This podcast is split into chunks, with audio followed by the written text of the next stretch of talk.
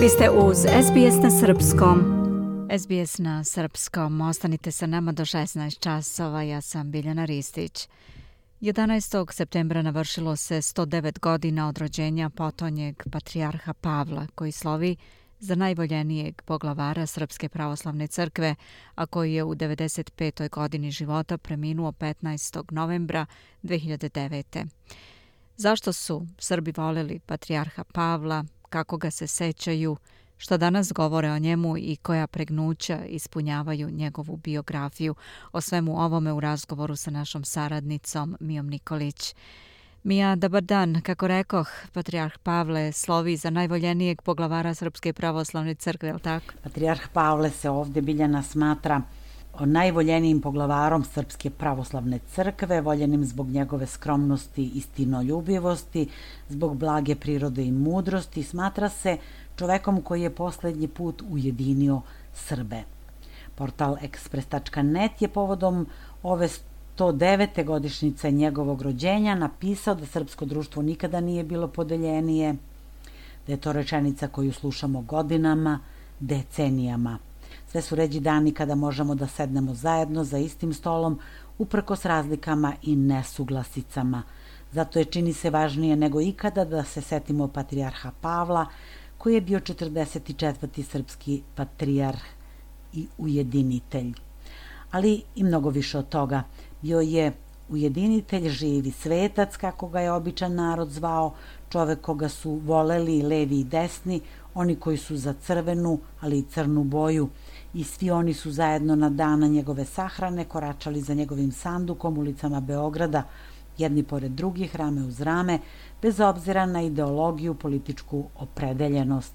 Ništa nije bilo važno osim ljubavi i poštovanja prema tom čoveku. Na dan sahrane, kraj njegovog odra u Sabornoj crkvi, prošlo je pola miliona ljudi, a na putu od Saborne crkve, gde je telo bilo izloženo, do porte manastira Rakovica, gde je sahranjen, pratile su ga nepregledne kolone građana zabeležio je ovaj portal i naveo da je on rođen 11. septembra 1914. kao Gojko Starčević u selu Kućanci u Slavoniji, tadašnjoj Austro-Ugarskoj monarhiji.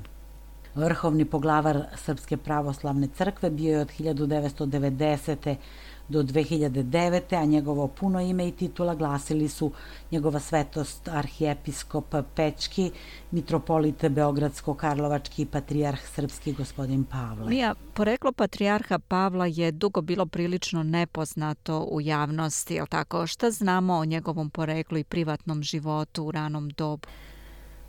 Poreklo patrijarha Pavla je dugo bilo neistraženo, znalo se da su mu roditelji bili Stevan i Ana, ali je bilo nepoznato da li je prezime Starčević poneo po ocu ili po majci, a u njegovoj biografiji uglavnom se navodilo da je rano ostao bez oba roditelja. Za oca piše da je radio u Americi gde je oboleo od tuberkuloze, da se vratio u kućance, gde je preminuo kad je Gojku bilo tri godine, a nedugo pošto se rodio njegov brat Dušan.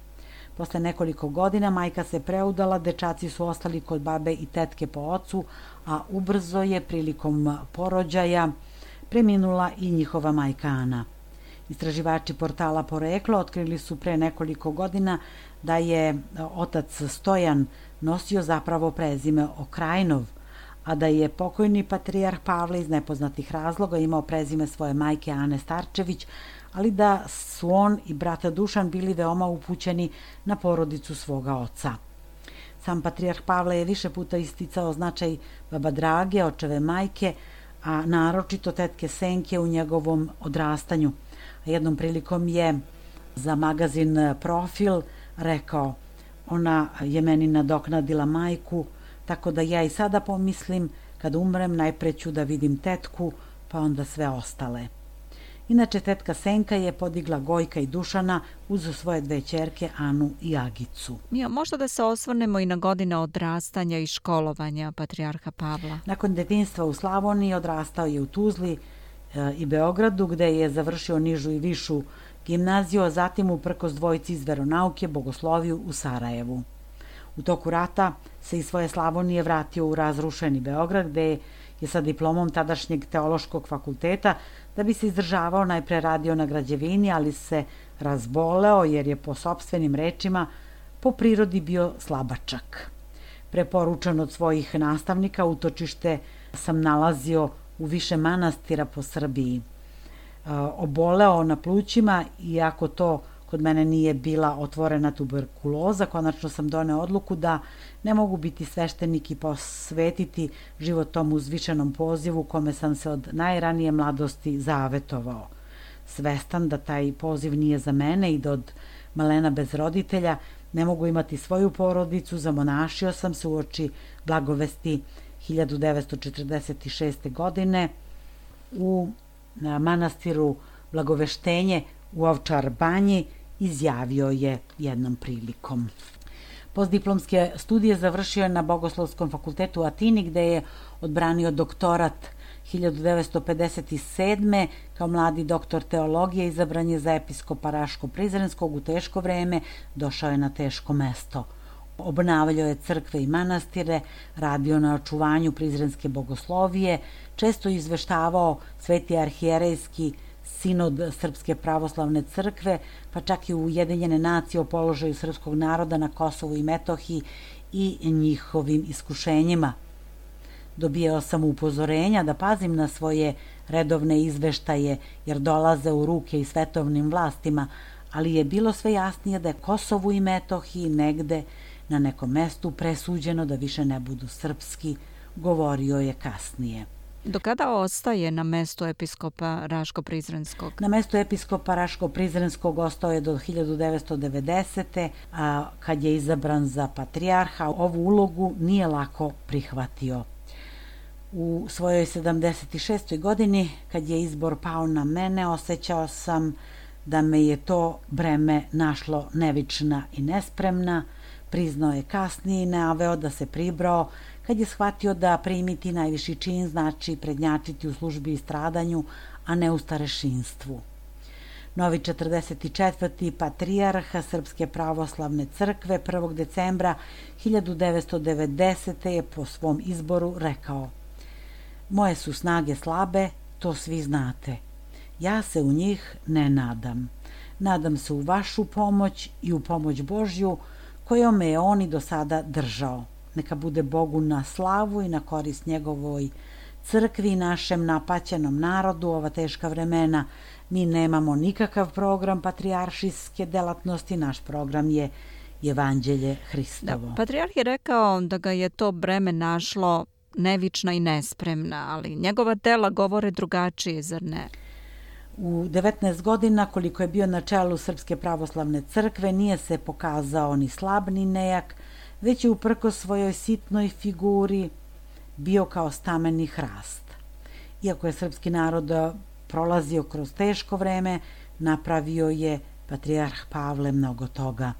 Ujedinio je crkvu i ustao protiv raskola u političkoj emigraciji, osnovao je nekoliko novih eparhija, osnovao ili obnovio rad bogoslovija, Cetinska i Kragujevačka, pa Duhovna akademija Svetog Vasilija Ostroškog u Foči – na njegovu inicijativu uz podršku tadašnjeg premijera Zorana Đinđića, veronauka je vraćena u škole 2002. a Bogoslovski fakultet u okvir Beogradskog univerziteta, odakle su ga komunisti izbacili 1952.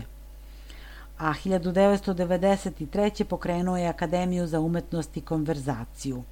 Istakao se i naučnim radom, izdao je monografiju ima manastiru Dević 27 objavljuje studije iz liturgike od kojih je nastalo trodomno delo da nam budu jasnija neka pitanja naše vere. Autor je više bogoslužnih knjiga, bio je predsednik Komisije Svetog arhijereskog sinoda za prevod Svetog pisma. Objavio je knjigu pitanja i odgovori čtecu pred proizvodstvo, a nakon njegove smrti izašle su pouke Patrijarha Pavla Budimo ljudi u pet knjiga, njegova sabrana dela životopisi pouke Patrijarha Pavla, Bog će pomoći ako ima kome, odlikovanje za života mnogobrojnim svetovnim i duhovnim priznanjima, ordenom Nemanje prvog stepena, ordenom Karadžorđeve zvezde, ruskim ordenom, dostojanstvo i drugim nagradama, ali najveća priznanja dolazila su mu od njegovog naroda. Na kraju Mija, Kako Srbi pamte patrijarha Pavla? Srbi pamte svog patrijarha Pavla kao neobično skromnog čoveka. Svuda gde je mogao išao je peške, hitrim korakom. Kad nije mogao, išao je gradskim prevozom. Sam je popravljao svoje cipele, u džepovima je uvek imao bombone koje je delio deci. Sačuvan je veliki broj anegdota izjava patrijarha Pavla. Jedna od najpoznatijih je Kad se čovek rodi, ceo svet se raduje, a samo on plače, ali treba živeti tako da kad umre, ceo svet plače, a samo on se raduje. Često se citiraju i ove njegove poruke. Ne branimo se od tuđeg zla, zlom u sebi.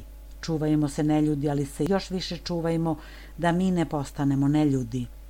Ne zaboravimo nikada da je zlo kratkog veka i samo na izgled uspešno i blistavo. Zato na zlu, lukavstvu, prevari ne treba zasnivati ništa, pogotovo ne život, govorio je patrijarh Pavle, ujedinitelj, koga su Srbi za njegovog vakta smatrali živim svecem. Studio? Toliko za danas. Hvala. Bila je to naša saradnica iz Srbije, Mija Nikolić. Ja sam Biljana Ristić.